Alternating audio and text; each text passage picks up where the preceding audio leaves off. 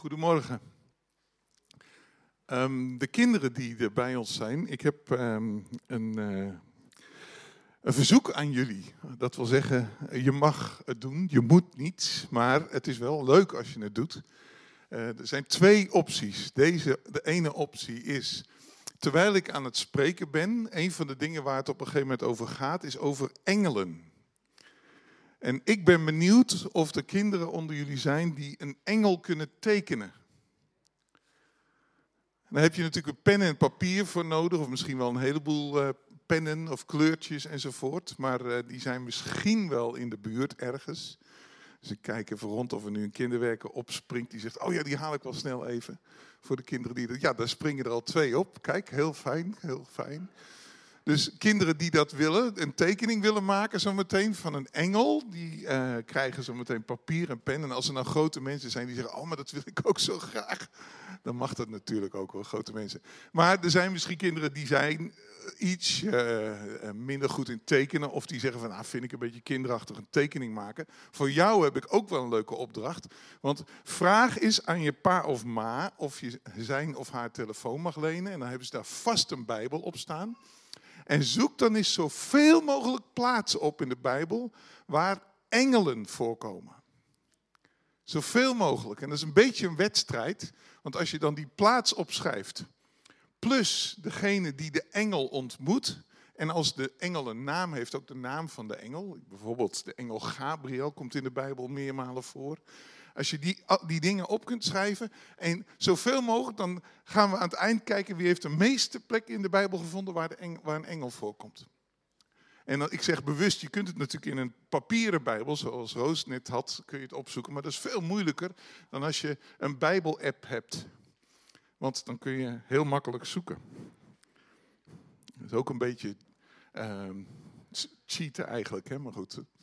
Je moet een beetje gebruik maken van de moderne middelen. Dus uh, welke kinderen hebben pen en papieren nodig? Hier komt het, de papieren, of de, uh, de pennen bedoel ik, de stiften. Zwaai eventjes, dan kun je, uh, kun je het krijgen. Daarboven zit iemand, kom even, kom even hierin, dan kun je het halen.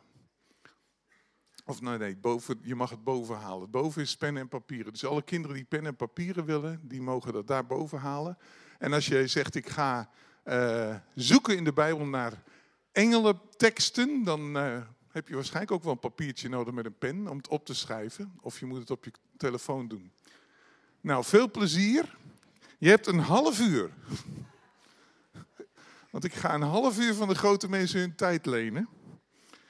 En um, een kleine uh, nou, disclaimer is het niet, maar ik had van tevoren, ik reed hierheen. Ik dacht, heer, ik heb veel te veel. En uh, we hadden gelukkig net een bidstond. En Dimf die had een indruk, die uh, zag uh, mij als een dikke grote graansilo die leegliep. ik dacht, dank u heer. Met heel veel, zei ze. Nou, mooi, halleluja. Dus daar gaat hij. ik zeg even aan het begin waar ik aan het einde naar terug wil.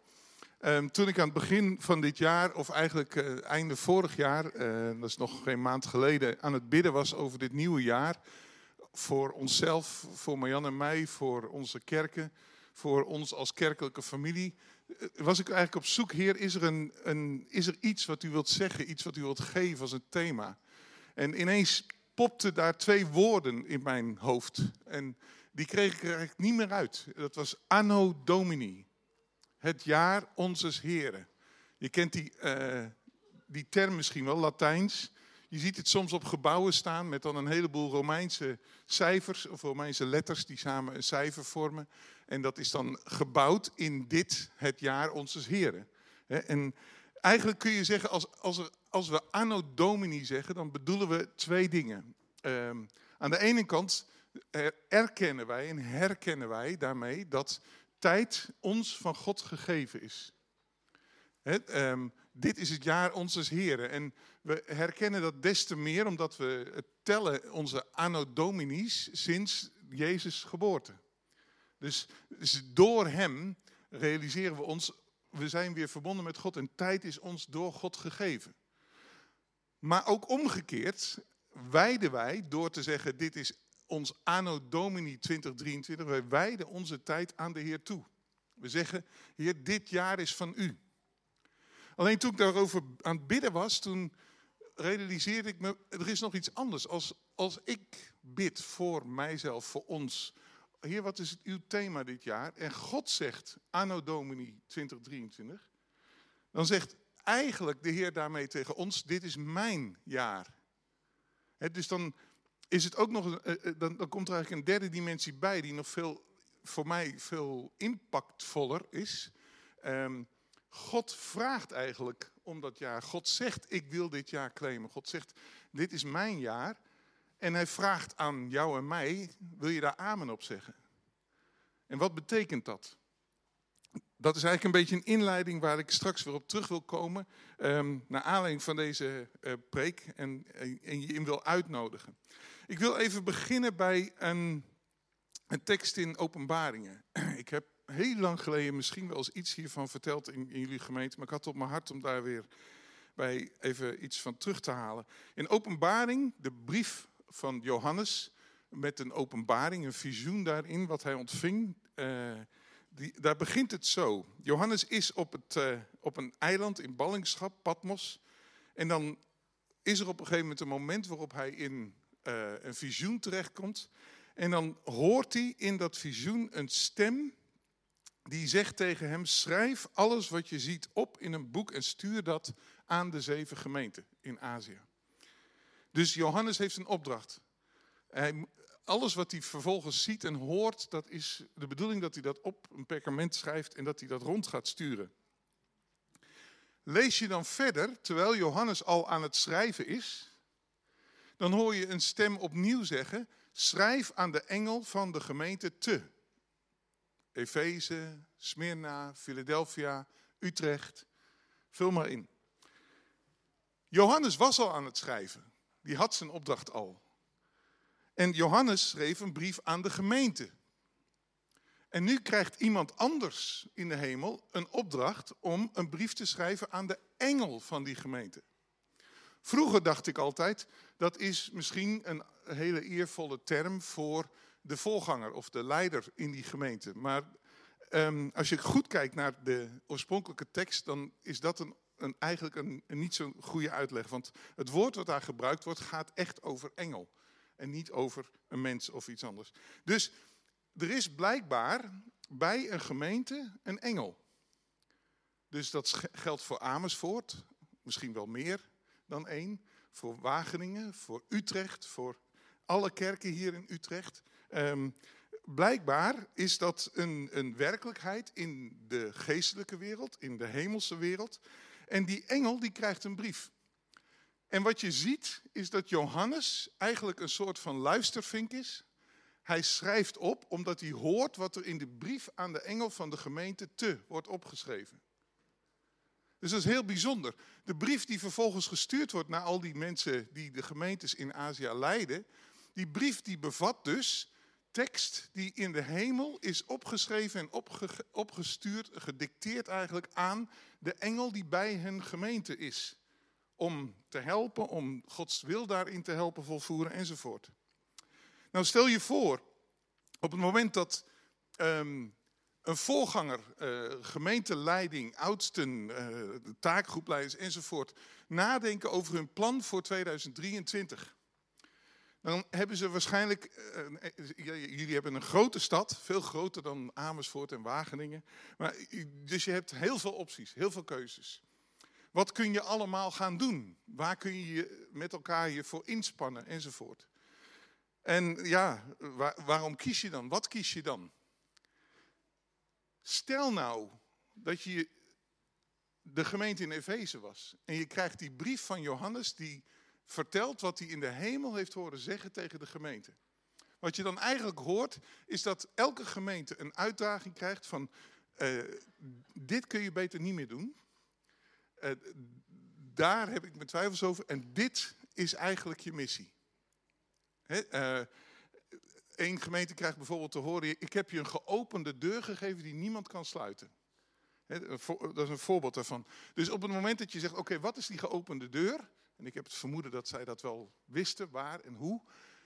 Daarop focussen betekent dat wat jij gaat doen overeenkomt met wat er op het briefje van de engel stond. Nou, als je even kijkt in de Bijbel naar wat engelen zijn, wat er gezegd wordt over de engelen. Uh, schrijvers, kinderen, let op. Hier heb je twee uh, teksten die je gratis krijgt. In Psalm 103, vers 20, daar staat... Loof de Heer, gij zijn engelen, gij krachtige helden, die zijn woord volvoert. Luisterend naar de klank van zijn stem. Engelen hebben de enorm veel kracht, power. Um, maar als het gaat over het uitvoeren van die kracht, dan hebben zij één hele duidelijke keuze, één hele duidelijke, uh, ja, je zou bijna menselijk wijze gesproken beperking, maar het is, uh, het is ook een keuze waar engelen voor kiezen. Want ze hadden ook anders kunnen kiezen, blijkt in de Bijbelse geschiedenis. Er zijn engelen die hebben anders gekozen. Maar deze engelen die zeggen, wij doen maar één ding en dat is wij volvoeren datgene wat uit Gods mond komt. En overal waar die woorden klinken, komen wij in actie. Dus op het moment dat de oudsten van de gemeente in de Efeze, wetende wat er op hun briefje, op het briefje van de engel staat, die woorden beginnen uit te spreken en die daden beginnen te doen, kijkt de engel van de gemeente in Efeze op zijn briefje en zegt, het staat ook op mijn briefje. En dan komt er angel speed. een woord wat ik zelf verzonnen heb. Maar die mag je onthouden. Er komt als het ware rugwind. Er komt hulp van boven. De hemel komt in beweging. Omdat Gods woord hier ingezet wordt. Gods woord wordt nagesproken. Datgene wat uit Gods mond uitging, dat wordt door mensen herhaald. En vervolgens zegt de hemel, de dienaren in de hemel, de engelen, die zeggen: Wacht, dit is waarvoor wij hier zijn. Dus wij gaan die mensen helpen om Gods wil te vervoeren. Je ziet dat eigenlijk heel mooi in dat beeld in Genesis 28, die Jacobsladder. Jacob heeft uh, in de nacht dat open hemelvisioen. Hij ziet de troon van God en hij ziet dan engelen over een, uh, ja, wat ze altijd een Jacobsladder noemen, uh, over een enorme trap naar beneden komen. Aan de ene kant komen ze naar beneden, aan de andere kant gaan ze weer terug naar boven. Ze komen naar beneden vanaf de troon, waar God dingen gesproken heeft, waar God opdrachten, brieven meegegeven heeft waarschijnlijk. En ze zijn hier om die te volvoeren, die woorden, en keren vervolgens weer terug naar de troon om nieuwe dingen uit Gods mond te horen. Dat is een deel van die werkelijkheid blijkbaar. Dus op het moment dat um, ik hoor Anno Domini 2023, dan gaat het in mij borrelen, omdat ik dan eigenlijk me realiseer de hoofdopdracht voor 2023 voor mij is horen wat staat er op Gods agenda voor 2023. Voor mij, voor ons als kerkelijke familie, voor onze gemeentes. Eh, Heer, eh, hoe kom ik daarachter? Ik wil dit weten. Ondertussen, ik vond een heel mooi voorbeeld wat uh, Roos net had, kan het wel eens stormen. Anders gaan dan je denkt. We hebben een paar jaar achter de rug waarin dingen zijn gebeurd in onze werkelijkheid die niemand had kunnen bedenken zelfs. Eh, ik, ik, uh, ik hoorde gisteren nog iemand zeggen, als je mij drie jaar geleden had verteld dat er een jaar later een moment zou zijn waarop ik mijn huis niet meer uit mocht. En ik niet naar mijn werk kon, niet naar de kerk kon, we ons gebouw niet in konden enzovoort. We met maskertjes rond moesten lopen in de. Ja, dat had, dan had je waarschijnlijk naar je voorhoofd gewezen. Dat, dat is onvoorstelbaar geweest. En toch, eh, voor het eerst in mijn leven hebben we een avondklok meegemaakt. Onvoorstelbaar. En die dingen die kunnen ontregelen, ontwrichten zelfs. En wat doe je dan in ontwrichting? Nou, één ding. Ik, ik hoorde gisteren op de. Ik was er op de Global Leadership Summit, iets wat Stichting Opwekking af en toe organiseert. Heel interessant. Er was één spreker die zei. Um, Focus on the mission. Rethink the method. Dus hou altijd je focus op de missie. En de methode, hoe je die missie vervult, kun je altijd aanpassen. Het is de hoofdzaak, wat er ook gaat gebeuren in dit jaar, wat, eh, hoe de situatie ook zal zijn. Uh, ik vraag me af of we, of we, weer een nieuwe pandemie zouden krijgen. Ik hoop het niet, ik denk het ook niet, maar je weet maar nooit. We, uh, we hebben in ieder geval geleerd, er kunnen onvoorspelbare dingen gebeuren. Heel belangrijk is om je dan te realiseren, de methode is niet heilig. We hebben ook gemerkt, we kunnen ook samenkomen op het moment dat we niet in de grote samenkomst samen kunnen komen. Kunnen we aan huis samenkomen, kunnen we zelfs online samenkomen. Het is niet ideaal, maar het kan wel. Dus de methode kan aangepast worden. Maar wat is onze missie? Dat is de hoofdzaak. En van daaruit wil ik jullie eigenlijk even als familie, uh, nou ja, dienaar in de familie, je, je meegeven. Hey, je bent deel van een familie van kerken, internationaal, zijn er inmiddels heel wat. En als familie hebben we een missie. Dat is onze unieke missie. Er zijn een heleboel belangrijke missies van kerkelijke families. Die, die verschillen op sommige punten wat. En ik denk zelf dat wij denken, zo staan wij erin in de wedstrijd, zeg maar even als kerk, kerkelijke familie wereldwijd, dat wij één deel van die kleuren van de heerlijkheid van God vertegenwoordigen.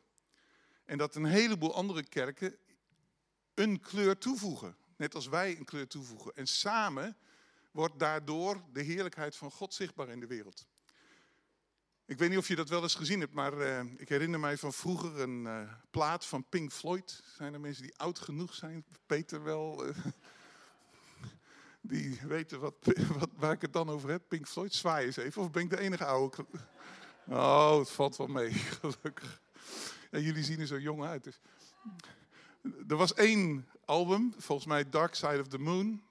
En daar stond voorop een prisma. Zo'n driehoekglas. En dan zag je zo'n straal licht inkomen. En dan brak dat licht in een heleboel kleuren. Nou, als je even omgekeerd denkt, al die kleuren licht, als je die samenvoegt, als je alle kleuren licht bij elkaar projecteert, wat krijg je dan? Wit licht, gewoon wit licht. En dat is eigenlijk, als er één ding is waar God zichzelf mee uh, uh, duidt, dan is het uh, een prachtig beeld dat hij licht is. Dat God is licht en in hem is geen duisternis. En op het moment dat God zichzelf wil laten vertegenwoordigen, dan vraagt hij gelukkig niet van ons allemaal dat wij dat hele plaatje dragen. Maar het is wel belangrijk dat we allemaal ons kleurtje bijdragen. Want samen met die, al die kleuren wordt dat licht van God in deze wereld zichtbaar. Dus het is belangrijk dat wij ons melodietje meezingen, onze kleur bijdragen. Nou, wat is nou onze kleur? In onze vineyard hebben we, uh, um, ja, dankzij een heleboel mensen die er al langer bij zijn, hebben ze, die hebben op een gegeven moment Don Williams, uh, is een van, zo, van die uh, oude mensen, oudere mensen, met alle respect. Die schreef op een gegeven moment op, en dat wordt door heel veel mensen herkend in, van de oudere mensen in onze leidersgroep. Um, wij hebben een sacred trust, zei hij. Er is ons iets toevertrouwd wat we niet moeten verlogenen. Omdat dat het stukje is wat wij mogen bijdragen in het, in het landschap van God. Ik wil niet zeggen dat wij de enige zijn die dat doen, maar die combinatie van dingen herkennen wij als dat is wat, wat de missie is. En wat de methode ook is die we gebruiken. Die missie, volgens mij, is dat het stukje van de brief wat bij elke engel, bij elke gemeente bovenaan staat. Dus ook bij jullie. En daarom wil ik het je meegeven. It is our conviction, schreef Don Williams, ik zal het zo vertalen hoor, that God has given the vineyard a sacred trust.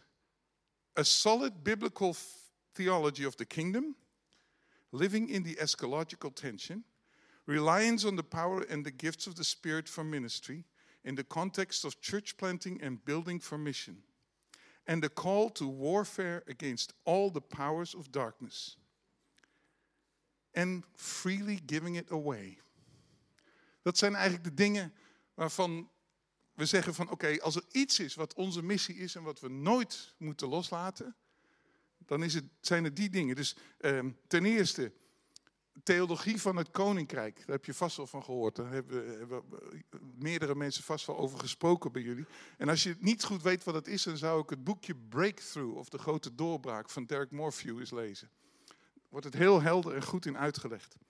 En wat net zo of belangrijk is, of misschien wel belangrijker, eh, omdat de koninkrijkstheologie helpt je om het te begrijpen, maar de praktijk daarvan is vertrouwen, werken vanuit datgene wat de Heilige Geest wil doen. Een van de belangrijkste uitspraken die ik geleerd heb in de vinger is: Come Holy Spirit, kom Heilige Geest.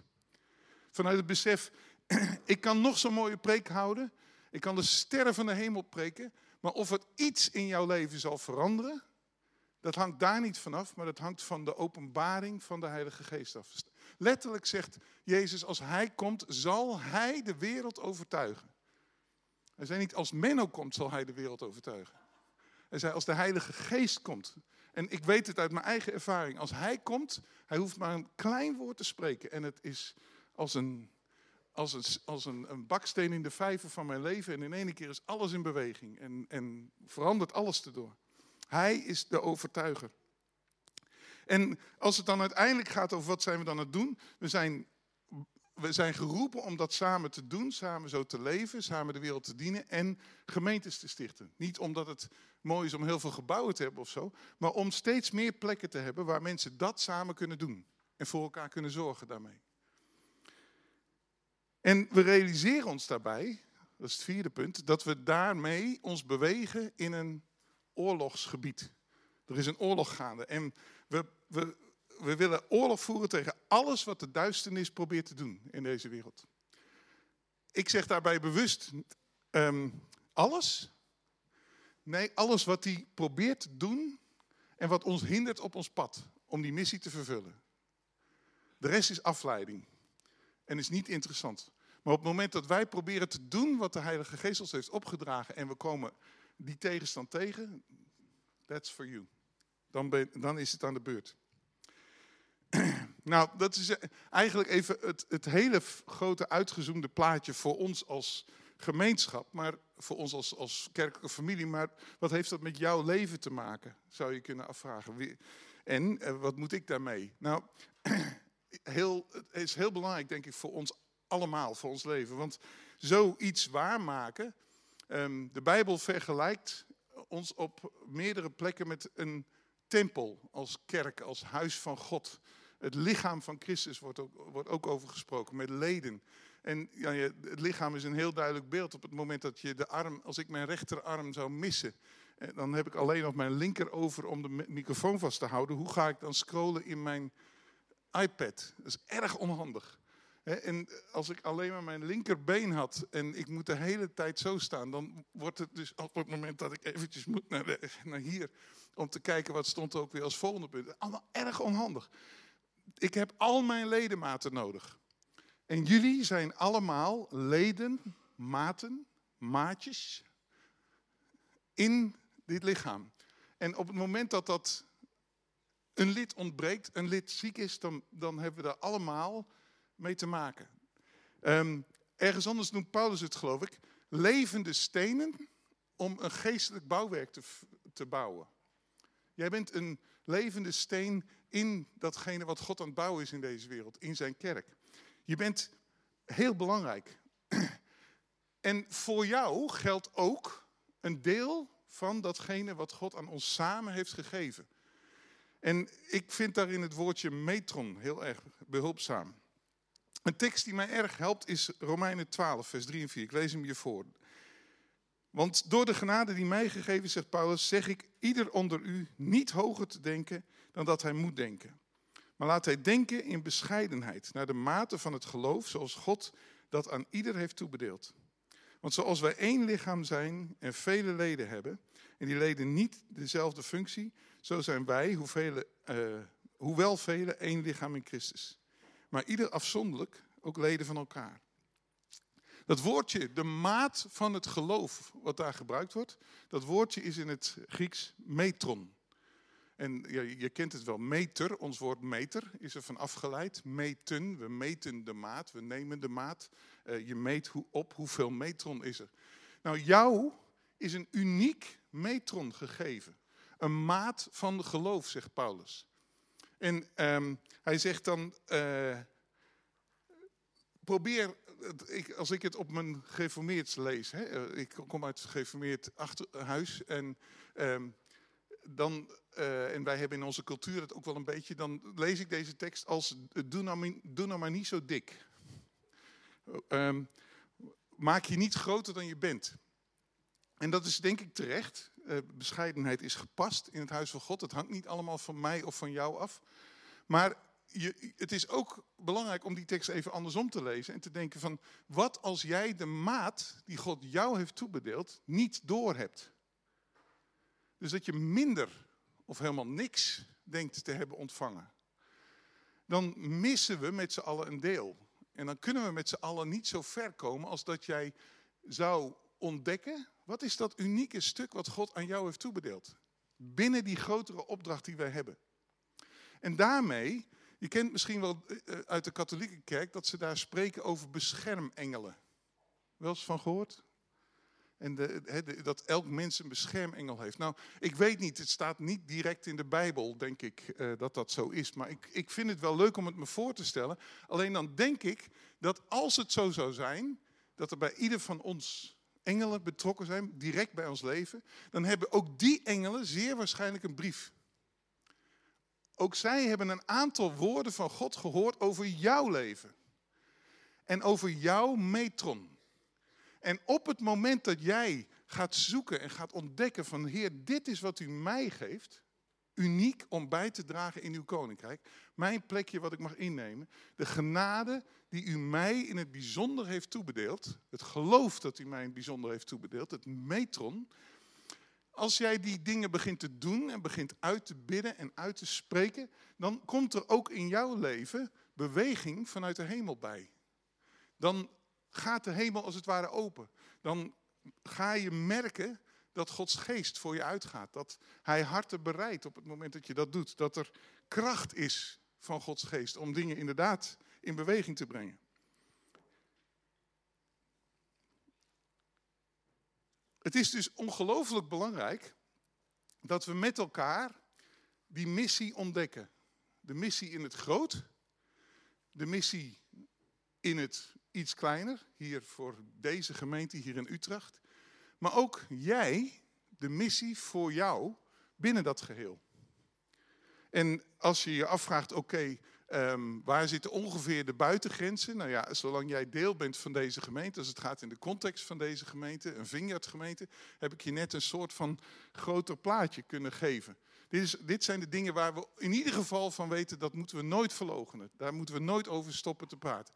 Het begint, een heel, heel mooie vind ik zelf, met het leren omgaan met de leiding van de Heilige Geest.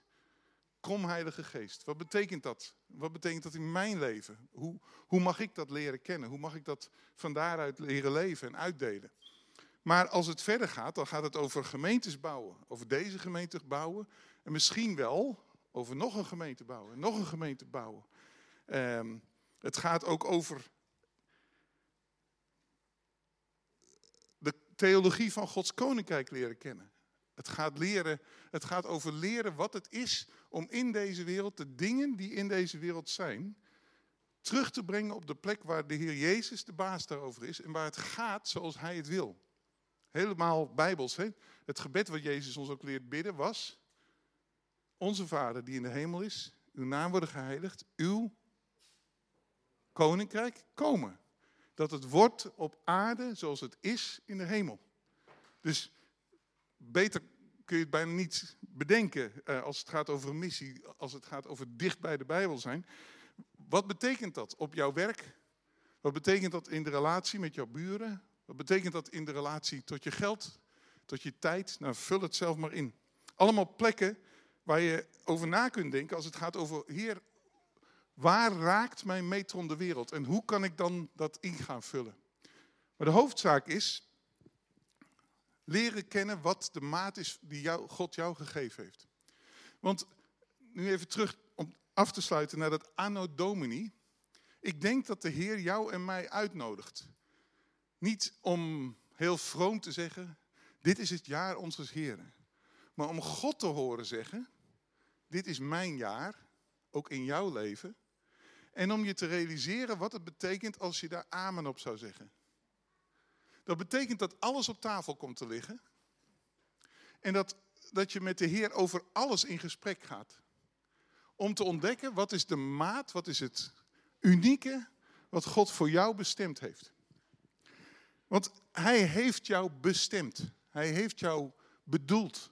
Hij heeft jou op het oog om ook door jou een stuk van zijn koninkrijk in deze wereld zichtbaar te maken.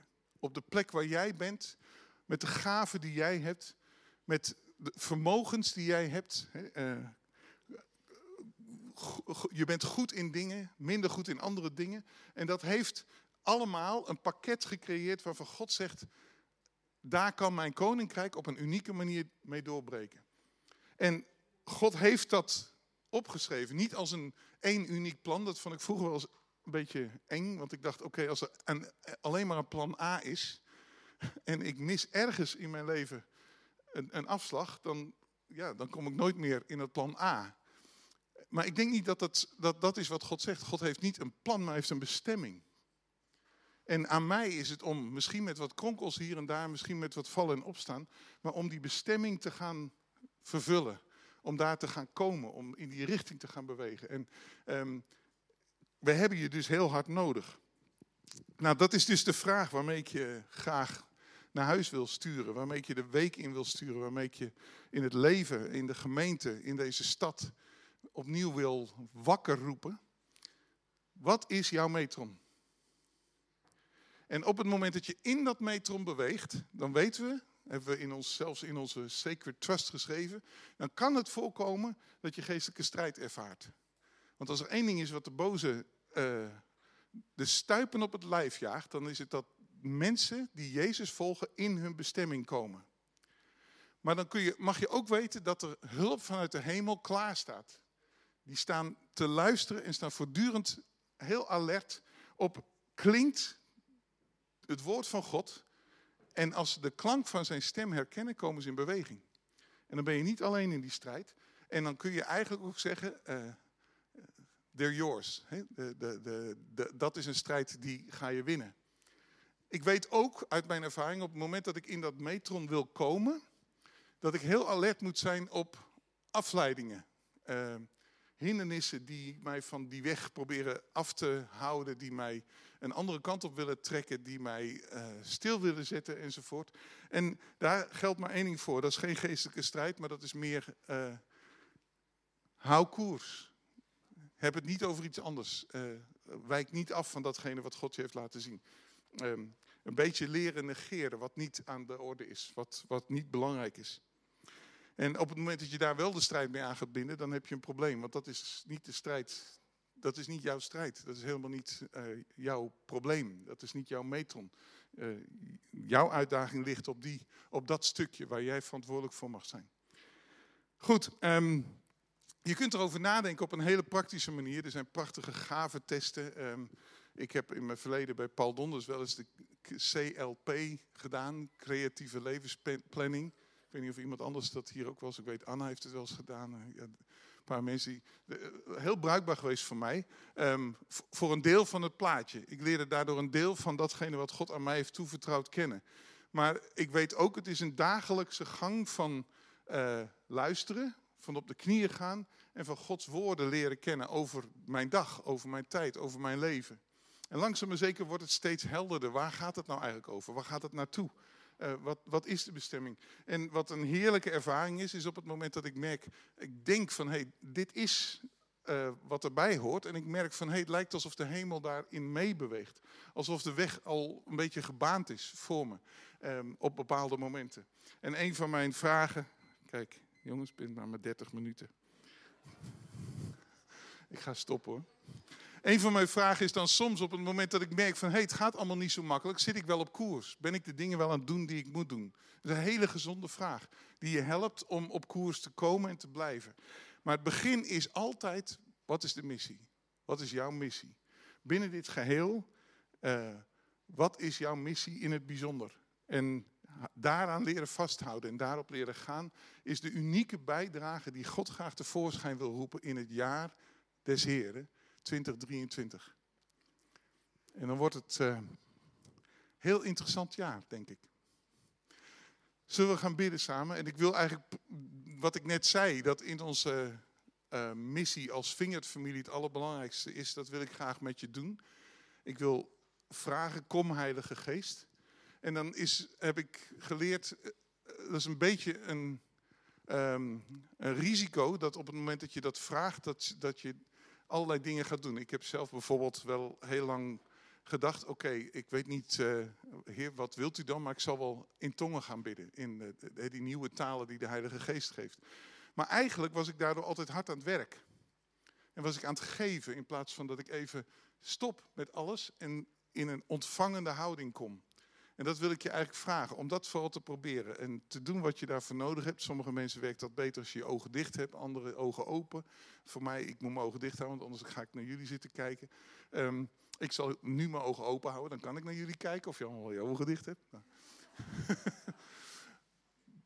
Doe wat goed is, wat past bij jou. Maar probeer eventjes niet allerlei dingen te doen, maar even te ontvangen. En dan gaan we gewoon even een poosje stil zijn. En er zijn bij de Heer. En we vragen, een heel mooi gebed wat Samuel leerde bidden door Eli. Spreek Heer, uw dienstknecht luistert. Of uw dienstmaagd, of uw dienstvrouw, of uw dienst... Uh, uw kind luistert. Zullen we dat doen? Dank u wel, Heer, dat u ons kent bij namen. En dat u weet welke gedachten u over ons koestert. Dat onze naam is opgeschreven, Heer, bij u. En dat u daar allerlei dingen bij heeft gezet. Die kostbaar zijn in uw ogen en die horen bij dat unieke, die kansen die u ziet, die, die hoop die u hebt, dat verlangen wat u hebt, dat wat u geven wilt aan ieder van ons. En ik wil u bidden op dit moment, kom Heilige Geest. Spreek alstublieft in ons hart. Raak ons aan. Als je tijdens dit stil zijn een iets in je opkwam, wil ik je eigenlijk uitdagen om dat op te schrijven als één woord of één zinnetje. En tegelijkertijd heb ik de indruk dat het dan een goede oefening is om even op te letten vandaag of van de week. Maar beter nog, dan is het vers vandaag. Als je dat zinnetje opschrijft, wat is dan het eerste woord wat in je opkomt?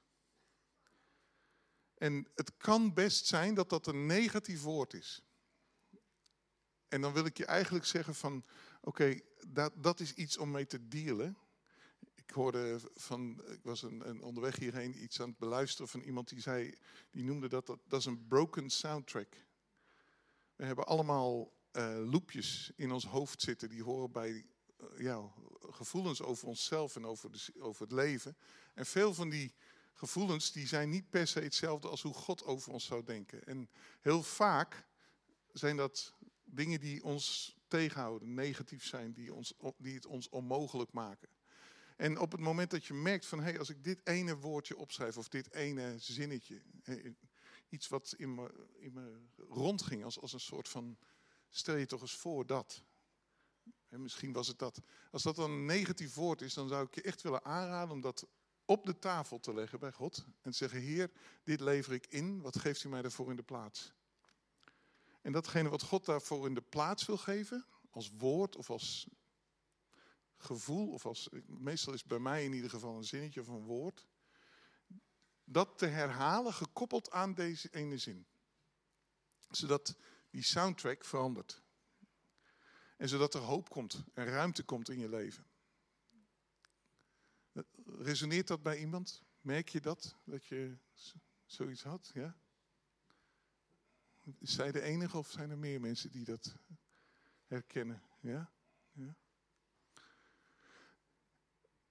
Een tweede ding is, ik had bij uh, de indruk dat er een aantal mensen zijn die iets uh, van zwaarmoedigheid voelden op het moment dat ze zo uh, stil waren bij, en bij God proberen te zijn. Omdat er iets zwaar op je hart ligt, omdat je iets draagt, een zorg draagt. En ik heb de behoefte om je gebed aan te bieden. Om te zeggen van laten we samen die dingen bij God brengen. Um, een van de Bijbelteksten in mijn oude eh, eh, NBG-hoofd staat, uh, de, die, de NBG-vertaling zit in mijn oude hoofd. En daar staat op een gegeven moment, werp al uw bekommernissen op mij, zegt Jezus. al je zorgen, alles waar je door bedrukt zou kunnen raken. En hij kan je rust geven, hij wil je rust geven, zodat er weer ruimte ontstaat om over de, de rest na te denken, over alles wat God je verder wil geven na te denken. Dus als je daar gebed voor wilt hebben, um, misschien kun je heel eventjes je hand opsteken. En als ik kijk even om je heen, als mensen zeggen van, hey, eh, ja, ik heb gebed nodig, daar kunnen mensen eromheen een moment voor hem bidden. En wie nog meer? Ja, jij?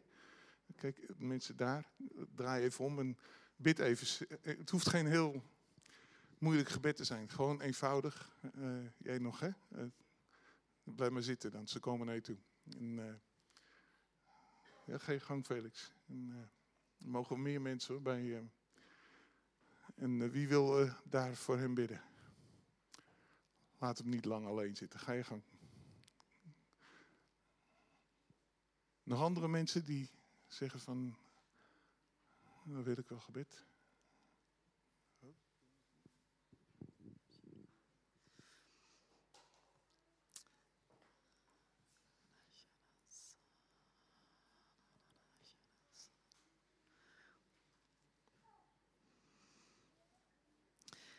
We gaan uh, ook opnieuw aanbidden.